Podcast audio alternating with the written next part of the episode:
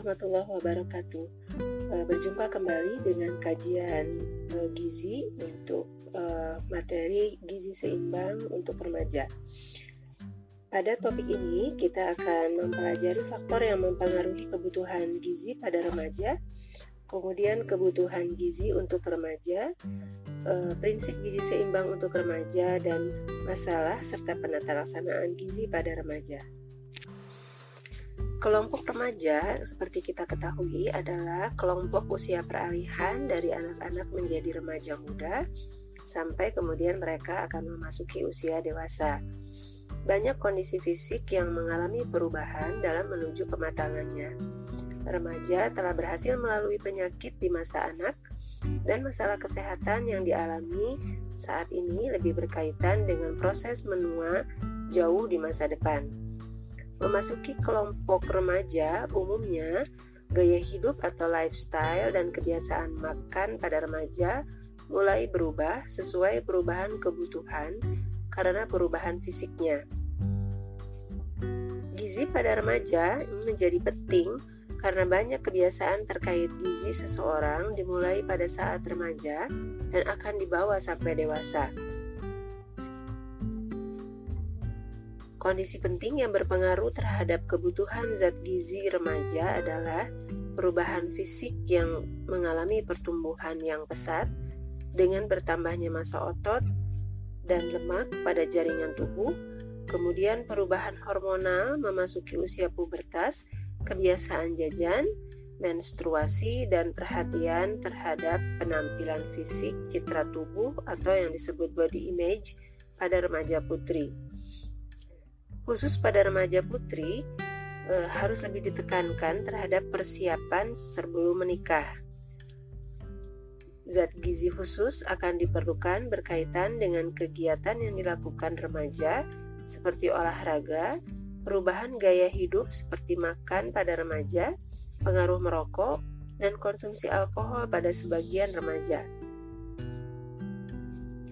Remaja yang sehat bukan hanya dilihat dari fisik, tetapi juga kognitif, psikologis, dan sosial. Periode remaja merupakan window of opportunity kedua yang sangat sensitif dalam menentukan kualitas hidup saat menjadi individu dewasa dan juga dalam menghasilkan generasi selanjutnya.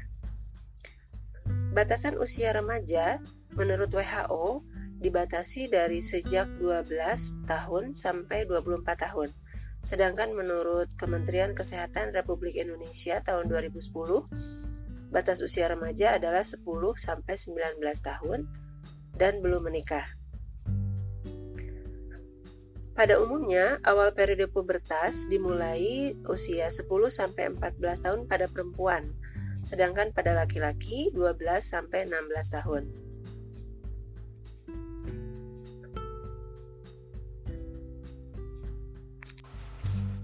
Kehidupan remaja tidak hanya berpusat pada satu hal. Tantangan yang saat ini dihadapi remaja kita sangat beragam, mulai dari pergaulan, kesehatan fisik, kesehatan jiwa, perkawinan anak atau perkawinan dini, dan lain sebagainya.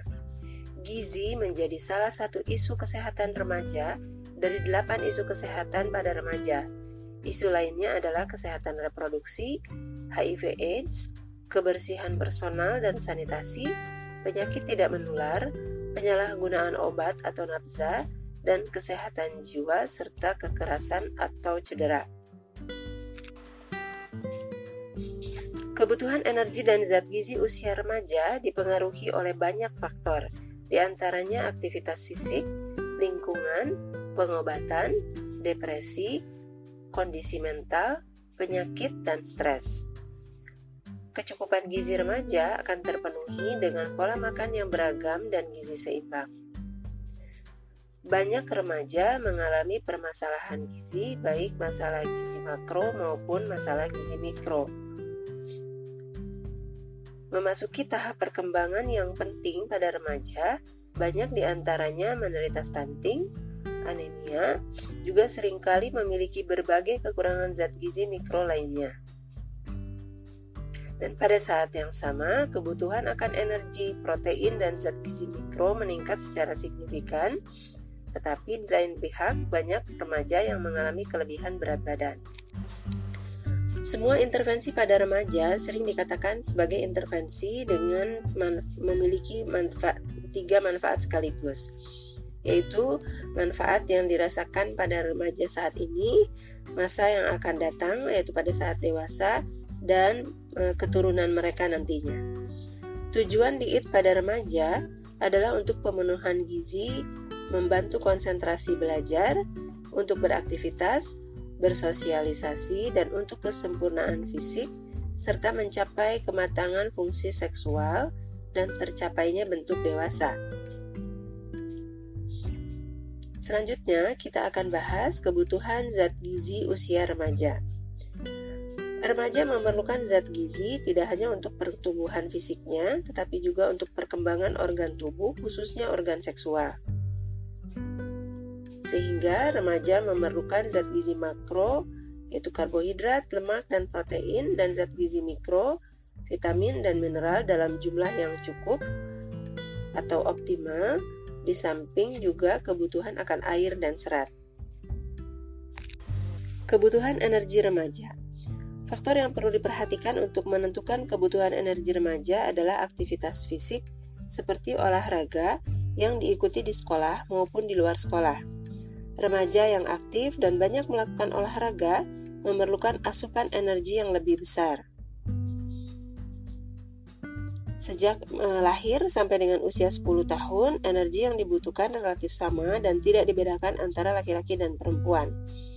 Pada masa remaja, terdapat perbedaan kebutuhan energi untuk laki-laki dan perempuan karena perbedaan komposisi tubuh dan kecepatan pertumbuhan. Secara umum, laki-laki memerlukan energi lebih banyak daripada perempuan. Kebutuhan energi remaja berdasarkan kelompok umur dan jenis kelamin menurut angka kecukupan gizi yang dianjurkan tahun 2019 seperti dapat dilihat pada PowerPoint atau yang terbaru tahun 2019 Anda dapat lihat di buku Dasar Ilmu Gizi Kesehatan masyarakat yang terbit di tahun 2020. Selanjutnya kebutuhan protein. Kebutuhan protein untuk remaja eh, masih cukup tinggi mengingat peranan protein yang utama pada remaja adalah untuk memelihara dan mengganti sel-sel yang rusak, juga mengatur fungsi fisiologis tubuh, di mana juga proses pertumbuhan cepat sedang terjadi pada tubuh remaja. Jika asupan energi terbatas atau kurang, maka protein akan digunakan sebagai energi. Kebutuhan protein remaja berdasarkan kelompok umur dan jenis kelamin menurut angka kecukupan gizi yang terbaru tahun 2019 dapat dilihat pada buku Dasar Ilmu Gizi Kesehatan Masyarakat eh, sedangkan pada PowerPoint masih tercantum berdasarkan angka kecukupan gizi tahun 2013. Makanan sumber protein hewani bernilai biologis lebih tinggi dibandingkan sumber protein nabati karena komposisi asam amino esensialnya lebih baik dari segi kualitas maupun kuantitas. Sumber protein hewani bisa didapatkan dari daging yang berwarna merah, kemudian dari yang berwarna eh, daging yang berwarna putih, bisa didapat dari ayam, ikan, kelinci, susu dan hasil olahannya seperti keju, mentega, yogurt, kedelai dan hasil olahannya yang berasal dari nabati seperti kacang-kacangan, tahu, tempe, dan sebagainya. Kebutuhan lemak Lemak yang diperoleh dari makanan sumber protein, khususnya protein hewani, minyak, margarin, santan, dan sebagainya.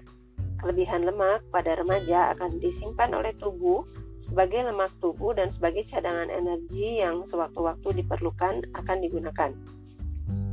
Konsumsi lemak yang berlebihan dapat menyebabkan peningkatan kadar lemak dalam tubuh, khususnya kadar kolesterol.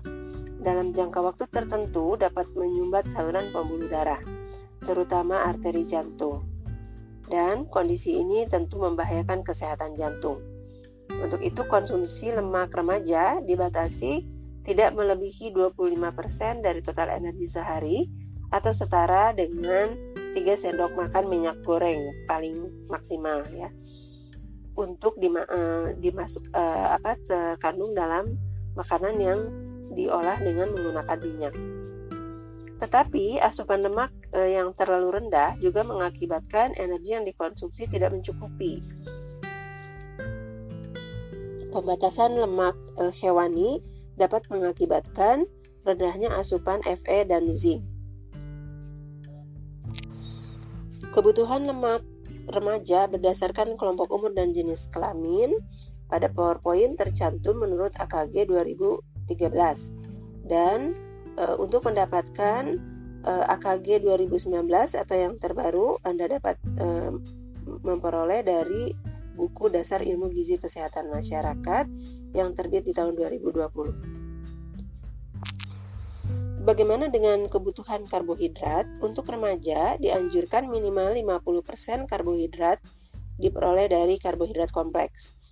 Dan remaja e, dianjurkan untuk membatasi makanan yang tinggi gula e, sebanyak maksimal 4 sendok makan sesuai pesan gizi seimbang agar terhindar dari kegemukan dan penyakit akibat kelebihan konsumsi gula dalam hal ini diabetes mellitus. Kebutuhan vitamin e, perlu diperhatikan untuk remaja.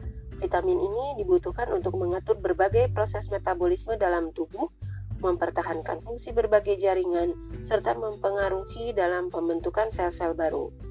Kebutuhan vitamin meningkat selama masa remaja karena pertumbuhan dan perkembangan cepat yang terjadi.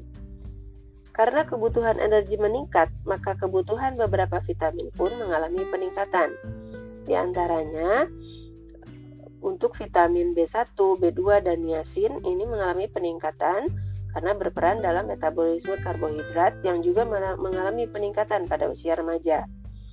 Untuk sintesis DNA dan RNA diperlukan vitamin B6, asam folat, dan vitamin B12. Sedangkan untuk pertumbuhan tulang diperlukan vitamin D yang cukup dan untuk pembentukan serta penggantian sel diperlukan vitamin A, C, dan E. Kebutuhan beberapa vitamin untuk remaja berdasarkan kelompok umur dan jenis kelamin menurut AKG yang terbaru tahun 2019 dapat Anda dapat dapat Anda uh, baca di dalam buku Dasar Ilmu Gizi Kesehatan Masyarakat yang terbit di tahun 2020. Untuk vitamin A, ini diperlukan untuk menjaga kesehatan mata, daya tahan tubuh, kesehatan kulit, dan juga sebagai antioksidan. Untuk vitamin D eh, sangat penting diperhatikan asupannya karena vitamin D membantu metabolisme kalsium yang sangat penting dalam pembentukan tulang. Vitamin D dapat diperoleh dari ikan, telur, susu, dan produk olahannya. Jangan lupa, paparan sinar matahari sangat baik untuk mengaktifkan provitamin D yang diproduksi oleh tubuh. Vitamin E ini diperlukan juga dalam jumlah yang cukup tinggi pada anak uh, pada remaja baik laki-laki maupun perempuan. Vitamin E berfungsi sebagai antioksidan dan mencegah kerusakan sel akibat radikal bebas yang biasanya diproduksi tubuh saat terpapar sinar matahari, asap rokok, polusi lain, dan stres. Makanan sumber vitamin E di antaranya biji-bijian atau kacang-kacangan, sayuran misalnya kecambah, brokoli, dan buah alpukat. Vitamin C ini berfungsi sebagai antioksidan, menjaga daya tahan tubuh, dan membantu penyerapan zat besi di dalam tubuh. Vitamin B1, B2, dan B3 ini membantu metabolisme karbohidrat menjadi energi, seperti yang sudah disampaikan sebelumnya. Vitamin B2, B6, B9 atau asam folat, dan B12 berfungsi untuk membantu pembentukan sel darah merah. Selain juga vitamin B6 membantu metabolisme asam lemak menjadi energi. Dan vitamin B9 atau asam folat juga berperan dalam pembelahan sel, membantu proses pembentukan molekul DNA dan RNA. Dan vitamin B12 juga berfungsi memelihara kesehatan sel saraf, membantu proses pembentukan DNA dan RNA. Kalsium sangat penting bagi remaja untuk menjaga kesehatan tulang dan gigi, berperan dalam kerja otot dan pembekuan darah. Anjuran kebutuhan kalsium pada remaja dapat dilihat pada tabel angka kecukupan gizi yang dianjurkan tahun 2019.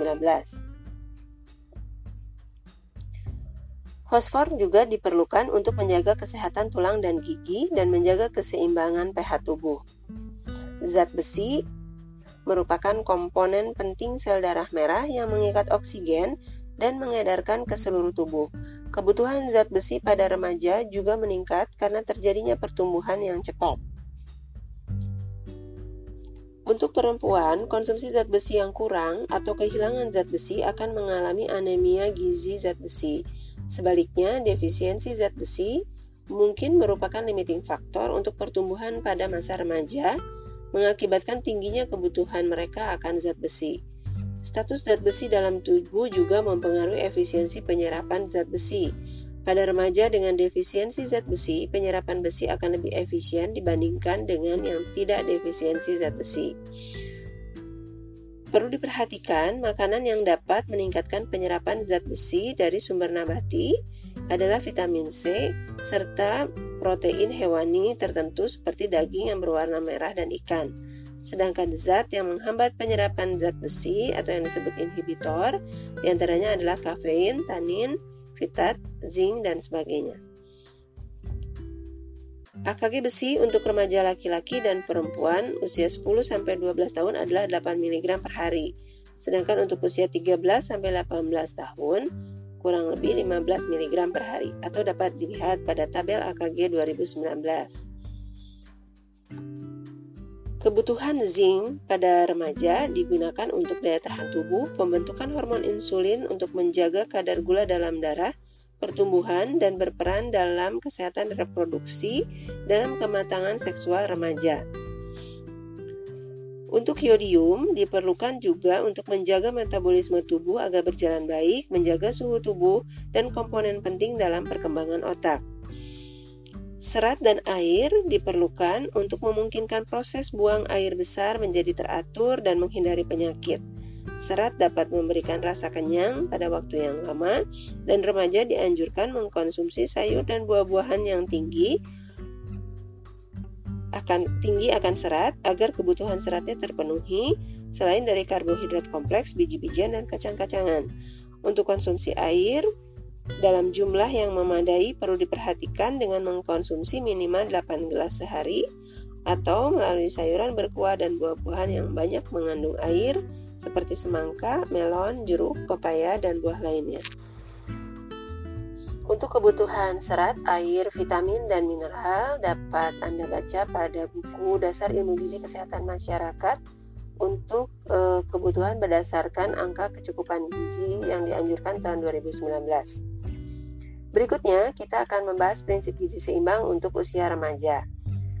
Di antaranya yang pertama adalah makan makanan yang beraneka ragam, karena tidak ada satupun jenis bahan makanan yang mengandung semua zat gizi yang dibutuhkan oleh tubuh. Aneka ragam ini yang dimaksudkan adalah mengganti jenis bahan makanan sesuai dengan kelompoknya agar zat gizinya saling melengkapi.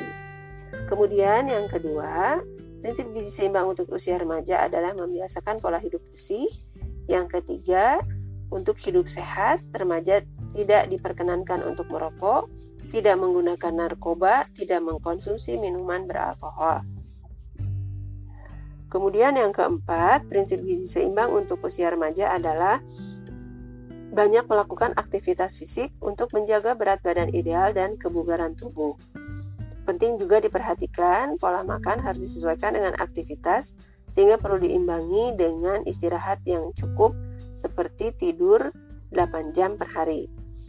Aktivitas fisik ini bisa melalui aktivitas fisik harian atau daily activity seperti membersihkan rumah, menyapu halaman, membersihkan tempat tidur, mencuci, dan sebagainya. Sedangkan untuk olahraga yang menyehatkan bisa dilakukan bola, uh, bola kaki, bola basket, bola voli, bulu tangkis, bersepeda, jogging, atau skipping. Untuk remaja disarankan melakukan aktivitas fisik yang bermanfaat dan menyehatkan membuat berkeringat meski tidak sedang berolahraga. Dan prinsip gizi seimbang yang kelima adalah memantau berat badan. Nah, berat badan ideal para remaja dipantau dengan menghitung indeks massa tubuh menurut umur dengan mengikuti indeks untuk anak-anak usia 5-18 tahun sebagaimana tercantum dalam standar antropometri anak berdasarkan peraturan Menteri Kesehatan nomor 2 tahun 2020 di mana untuk gizi buruk lebih kecil dari minus 3 standar deviasi, gizi kurang minus 3 standar deviasi sampai dengan kurang dari minus 2 standar deviasi, gizi baik minus 2 standar deviasi sampai dengan plus 1 standar deviasi, gizi lebih plus 1 standar deviasi sampai dengan plus 2 standar deviasi, obesitas atau obes lebih dari plus 2 standar deviasi. Masalah dan penata laksanaan gizi usia remaja. Malnutrisi pada remaja cukup tinggi, terutama pada remaja putri, dan ini tidak hanya berkontribusi pada peningkatan morbiditas dan mortalitas yang terkait dengan kehamilan dan persalinan di kemudian hari, tetapi juga meningkatkan risiko melahirkan bayi dengan berat badan lahir rendah, dan ini berkontribusi pada siklus malnutrisi intergenerasi. Mengatasi kebutuhan gizi remaja dapat menjadi langkah penting untuk memutus lingkaran setan malnutrisi intergenerasi, penyakit kronis, dan kemiskinan. Saat ini, Indonesia mempunyai tiga beban masalah gizi atau triple burden, yaitu stunting, wasting, obesitas, dan kekurangan zat gizi mikro seperti anemia. Perbaikan gizi pada remaja dilakukan melalui intervensi gizi spesifik. Nah, ini bisa meliputi pendidikan gizi, fortifikasi, suplementasi, penanganan penyakit penyerta yang tujuannya adalah untuk meningkatkan status gizi remaja, memutus rantai intergenerasi masalah gizi, masalah penyakit tidak menular, dan kemiskinan. Selanjutnya, malnutrisi yang sering terjadi pada semua usia termasuk remaja di antaranya adalah kurus atau kurang energi kronis, kemudian obesitas, anemia gizi besi, stunting, gangguan pola makan, anoreksia, dan bulimia nervosa.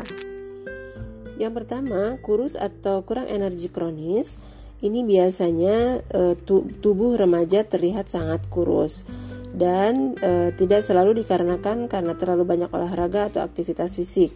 Kondisi ini bisa dikarenakan terlalu sedikit makan atau kekurangan asupan gizi atau pola makan da, e, dengan gizi yang tidak seimbang. Remaja perempuan e, yang menurunkan berat badan secara drastis erat hubungannya dengan faktor emosional seperti karena takut gemuk, seperti ibunya atau dipandang lawan jenis kurang seksi. Nah, data Riskesdas tahun 2018 menunjukkan bahwa 8,7% remaja usia 13 sampai 15 tahun dan 8,1 remaja usia 16 sampai 18 tahun dengan kondisi kek. Berikutnya obesitas. Obesitas ini e, adalah disebabkan karena asupan e, makanan yang melebihi kebutuhan sehingga menyebabkan e, tubuh menjadi gemuk ya. Dan data Riskesdas tahun 2018 menunjukkan remaja Indonesia dengan berat badan berlebih e, dan obesitas ini mencapai 16% untuk usia 13 sampai 15 tahun dan 13,5% pada remaja usia 16 sampai 18 tahun.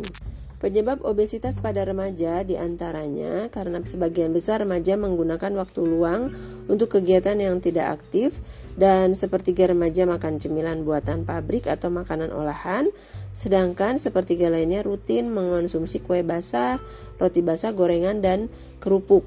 Perubahan gaya hidup juga terjadi dengan semakin terhubungnya remaja pada akses internet sehingga remaja e, lebih banyak membuat pilihan mandiri dan sering kali pilihannya kurang tepat sehingga secara tidak langsung menyebabkan masalah gizi.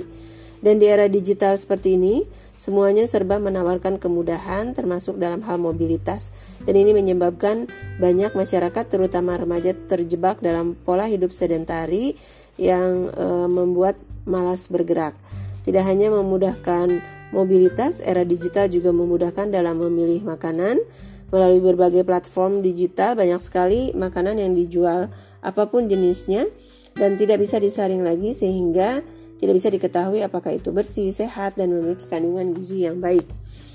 Dan e, obesitas pada remaja juga disebabkan karena pola makan tidak seimbang, kurangnya aktivitas fisik, kemudian tidak aktif berolahraga e, sehingga e, dapat dicegah dan diatasi sebetulnya dengan melakukan aktivitas fisik yang baik, baik itulah aktivitas harian maupun olahraga dan pengaturan makan diseringi dengan diet tinggi serat. Anemia eh, pada remaja dapat menurunkan daya tahan tubuh dan e, tingkat kebugaran juga akan menurun, cepat lelah dan daya konsentrasi juga menjadi berkurang serta pertumbuhan tidak mencapai tinggi badan yang optimal.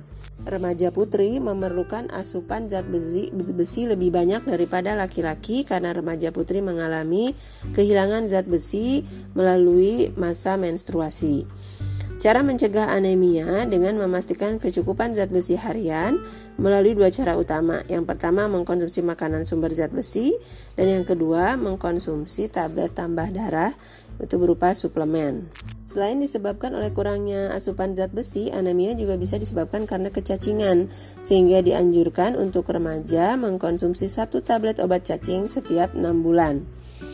Promosi atau kampanye tentang anemia kepada masyarakat sudah dilakukan secara luas, eh, kemudian juga dilakukan dengan penyuluhan kelompok dan konseling eh, secara langsung pada remaja putri melalui wadah yang ada di masyarakat seperti sekolah, pesantren, tempat kerja yang formal ataupun informal, organisasi dan LSM di bidang kepemudaan, kesehatan, keagamaan dan organisasi perempuan. Kemudian untuk anjuran konsumsi makanan kaya besi dilaksanakan mengacu pada gizi seimbang, diikuti dengan pembinaan kantin di sekolah atau penjajah makanan di sekitar remaja putri biasa berkumpul. Untuk masalah stunting, ternyata angkanya di tahun 2018 remaja e, di Indonesia 25,7 persen usia 13 sampai 15 tahun dan 26,9 persen usia 16 sampai 18 tahun berada pada status pendek dan sangat pendek. Remaja stunting lebih beresiko menderita obesitas dibandingkan dengan remaja yang normal. Pola makan yang sehat, asupan makanan yang seimbang, dan aktivitas yang optimal menjadi solusi untuk masalah stunting pada remaja. Masalah stunting ini merupakan masalah gizi intergenerasi sehingga upaya preventif, promotif, dan rehabilitatif dilakukan pemerintah dengan meningkatkan penyuluhan, penyuluhan PHBS, pola gizi seimbang, tidak merokok, tidak mengkonsumsi narkoba, dan pendidikan kesehatan reproduksi. Yang terakhir, e, masalah gizi pada remaja adalah gangguan pola makan bisa berupa anoreksia atau juga bulimia nervosa. Anoreksia adalah aktivitas untuk menguruskan badan dengan melakukan pembatasan makan secara sengaja dan melalui kontrol yang ketat. Penderita anoreksia ini e, sadar bahwa mereka lapar namun takut untuk memenuhi kebutuhan makan e, karena takut berakibat naiknya berat badan. Tanda-tanda anoreksia sangat kurus, lemah, lesu, kemudian terobsesi dengan waktu makan, jumlah atau porsi makan dan kontrol berat badan, menghindari makan seperti susu, daging, nasi, gandum dan lainnya yang dipandang dapat menaikkan berat badan, sangat sering mengukur berat badan sendiri, merasa kegemukan padahal sangat kurus, berolahraga berlebihan dan menarik diri dari kegiatan sosial, terutama pesta pertemuan yang melibatkan makanan dan juga eh, terlihat depresi Eh, pada kondisi yang parah pada uh, remaja putri, anoreksia bisa menyebabkan berhenti haid. Bahkan pada kondisi yang sangat uh, ekstrim, efeknya yang sangat berbahaya adalah menimbulkan kematian. Persepsi remaja anoreksia terhadap rasa kenyang terganggu sehingga pada saat yang sama mereka mengkonsumsi sejumlah makanan dalam porsi kecil sekalipun akan segera merasa penuh dan bahkan merasa mual. Sedangkan untuk bulimia eh, berbeda dengan anoreksia. Kalau anoreksia mati-matian menahan rasa lapar dan berupaya keras eh, untuk tidak mengkonsumsi makanan dalam jumlah besar sehingga bisa tahan hidup dengan 2 sampai 3 sendok makan per hari. Maka kalau bulimia eh, kecenderungannya senang mengkonsumsi makanan yang mereka sukai, kemudian mereka makan berlebihan untuk memuaskan keinginannya. Namun selanjutnya mereka memuntahkannya kembali hingga tidak ada makanan yang tersisa. E, dengan demikian mereka terhindar dari gemuk, e, tetapi menjadi kurus tanpa perlu menahan keinginan untuk makan. E, penderita bulimia ini sering kali memaksa untuk memuntahkan makanan yang sudah dimakan sebagai penyesalan dengan mencolok ringa, rongga mulutnya atau mengkonsumsi obat pencahar dan dampaknya tubuh menjadi lemas, sulit untuk berpikir dan akhirnya tidak ada energi yang dapat digunakan untuk mempertahankan kesehatan tubuhnya. Dan bulimia nervosa ini sering dikaitkan dengan gangguan hidroelektrolitik yang timbul karena efek fisik dari muntah. Angka kematian akibat anoreksia dan bulimia nervosa ini tidak dapat diabaikan karena ternyata e, menunjukkan angka yang cukup tinggi yaitu sekitar 15%. Kematiannya terutama disebabkan karena aritmia jantung, perdarahan gastrointestinal dan juga e, bunuh diri. Pengobatan anoreksia dan bulimia ini biasanya ditangani e, secara tim oleh psikoterapi e, psikoterapi oleh psikiater kemudian ahli endok, endok, endokrinologi dan juga oleh ahli gizi. Baik, untuk gizi rema, gizi seimbang bagi remaja telah selesai kita bahas. Sampai berjumpa pada uh, materi gizi untuk topik yang lainnya. Terima kasih. Assalamualaikum warahmatullahi wabarakatuh.